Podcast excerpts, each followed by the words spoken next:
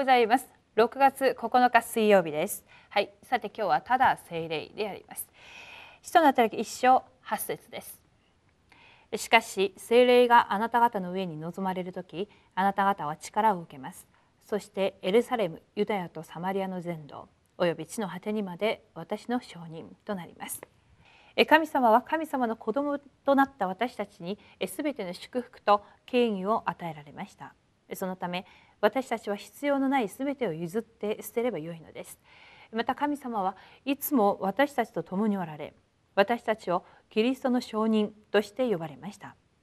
何も思い煩わずに今から精霊の満たしを味わうだけで良いのです。それならば今日私たちが精霊の満たしを味わうためにどのように始めればよいのでしょうか。では精霊の満たしのためにその1番です。はい、精霊の満たしを受けることのできる私の姿勢。精霊の満たしを受けられる姿勢を整えなければなりません。姿勢がすべてであるため姿勢を整えるということはとても重要です。それならば精霊の満たしを受ける姿勢は何でしょうか。まずただ祈りに専念することです。そしていつも誠に優れたものを見分けなければなりません。これが精霊に満たされる姿勢であり答えられる姿勢です。最後に必ず答えられるためそれ以降のことをあらかじめ見なければなりません。これが精霊の満たしを受ける正しい姿勢です。劉先生はこの間の、えー、日曜日の講談のメッセージを通してこのようなことを言われました。伝道以前にまず伝道者の生活を整えなければならない。で伝道者の生活って言った時にはどんなことなんだろうというふうに思うかもしれませんが伝道者の生活いろんなことが挙げられるかもしれませんが大きく3つお話しされたんですがそれが今日の伝道今日の御言葉今日の祈りであります。この3つを通して自分の人生やそしてその現場がその人生の現場の中で御言葉が成就されて変化していきますし自分が持っている小さな才能また小さなことが大きく福音と出会うことによって用いられるようになる結局それが自分の経済は経済の方につながっていけるようになるっていうことでしたこれらの部分についてお話をされたんですけれども今日精霊の満たしを受けるために祈りに専念するっていうふうに書いてありますけれども専念するっていうことをまたこれも一つ考えなければなりません。あ専念しよう専念しようもっぱらこれだこれだって言っても祈りに専念できるわけではないんですがそのためにその専念できるようになる姿勢が伝道者の生活が私たちの姿勢だと思います。月曜からずっと皆様にこの伝道者の7つの生活についてお話をしてきましたけれども今日皆さんの御言葉はどんなことでしょうかそして皆さんの祈りの課題はまたどのような祈りの課題があるでしょうかまた皆さんの悩みっていうのはどういう悩みがあるでしょうか？その部分に対する世界福音化また日本の福音化レムナント RUTC OMC いろいろありますけれども自分のものは何かっていうことをその今日っていう一日の自分の御言葉は何かっていうことを必ず見つけてください。その御言葉があってこそそれが祈りにつながるようになります。そしてその祈りに集中できるように自分の生活を整えていかなくてはなりません。で劉先生は主に、まあ、集中するために、え腹式呼吸をよくされているということです。息を吸ってそして吐いていく間に精霊の満たしとそして見つかりを使わし暗闇勢力が打ち砕かれるような祈りをしながら一つの祈りの課題を持って腹式呼吸を共にまた、えー、添えて祈っていくっていうそれも呼吸はもちろん健康にも良いんですが祈りに専念して集中していくためにそのように、えー、なさった一つの先生なりの方法であったということでした。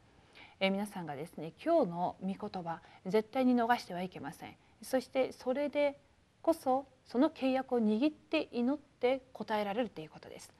えー、なのでその御言葉なしで契約なしで祈るっていうことは実は祈りではないっていうことになります。えではですね皆さんのスケジュールの中で今日一番祈りやすい時間帯を選びまずは今日の御言葉を必ず見つけていただきたいと思います。はい。では大きな2番です。聖霊の満たしは伝道者にされた約束。聖霊の満たしは福音をもって伝道運動の姿勢を整えた初代教会にされた約束であり福音を伝える私たちにされた約束です。そのためこれから私に与えられた今日の伝道と御言葉祈りを見つけて共にする伝道と御言葉祈りを毎日見つけなければなりません。そして最も重要なことは神様が私と共におられる方法を見つけることです。これをよく見つけた人がレムナント7人でありヘブル人への手紙11章の信仰の英雄たちです。この方法を帝国祈り常時祈りで見つけるならば神様が最高の祝福を与えられます。はい。そして大きな3番です。精霊の満たしを継続する方法。精霊の満たしを継続する最も重要な方法は精霊の導きです。神様が与えられた御言葉を握って精霊の導きを受けるためにもがくだけでも精霊の満たしを継続することができます。そうすると以前には見えなかった黄金漁像四角地帯災い地帯が現場の中で見え始め精霊の満たしの働きが起きます。祝福以降のことを考えて器を準備していると精霊の満たしを継続することができます。この祝福を必ず味わわなければなりません。はい。皆さん今日の伝道すべての出会い皆さんのスケジュールの中で伝道ということで考えてみてください。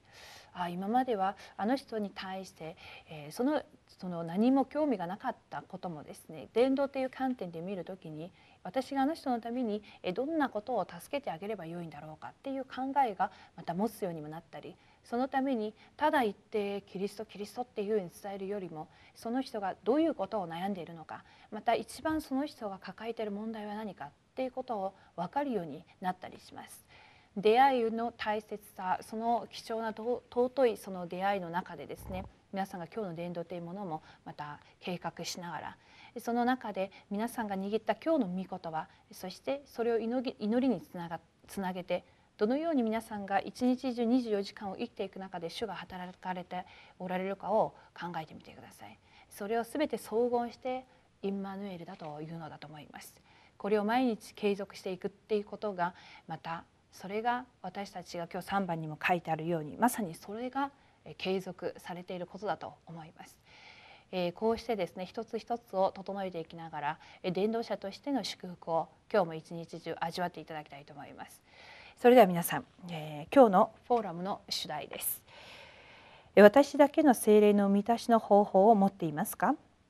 精霊の満たしを継続するために必要な姿勢は何でしょうか？そして精霊の満たしのためにどのような挑戦をしなければならないのでしょうか？黙想しながら実際に始めてみましょう。はい、それではお祈りをして終わりにしたいと思います。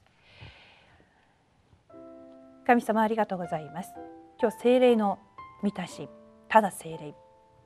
この御言葉を与えてくださり感謝します。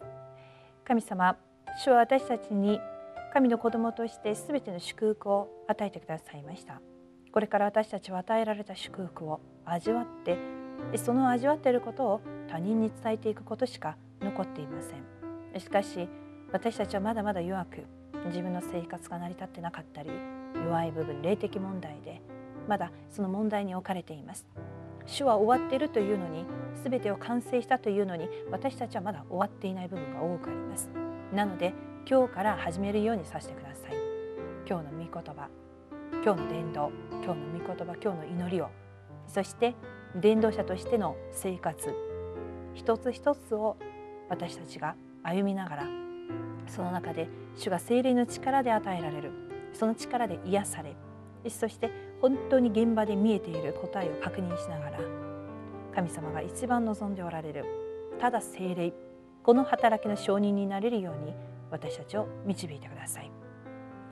今日の問題に対する御言葉を握り主が共におられるインマヌエルを最高に味わうことができるように私たちを祝福してください。これらを妨げるすべての暗闇の勢力をイエスの皆によって打ち壊してください。すべてを感謝して主イエスキリストの皆によってお祈りします。アーメン。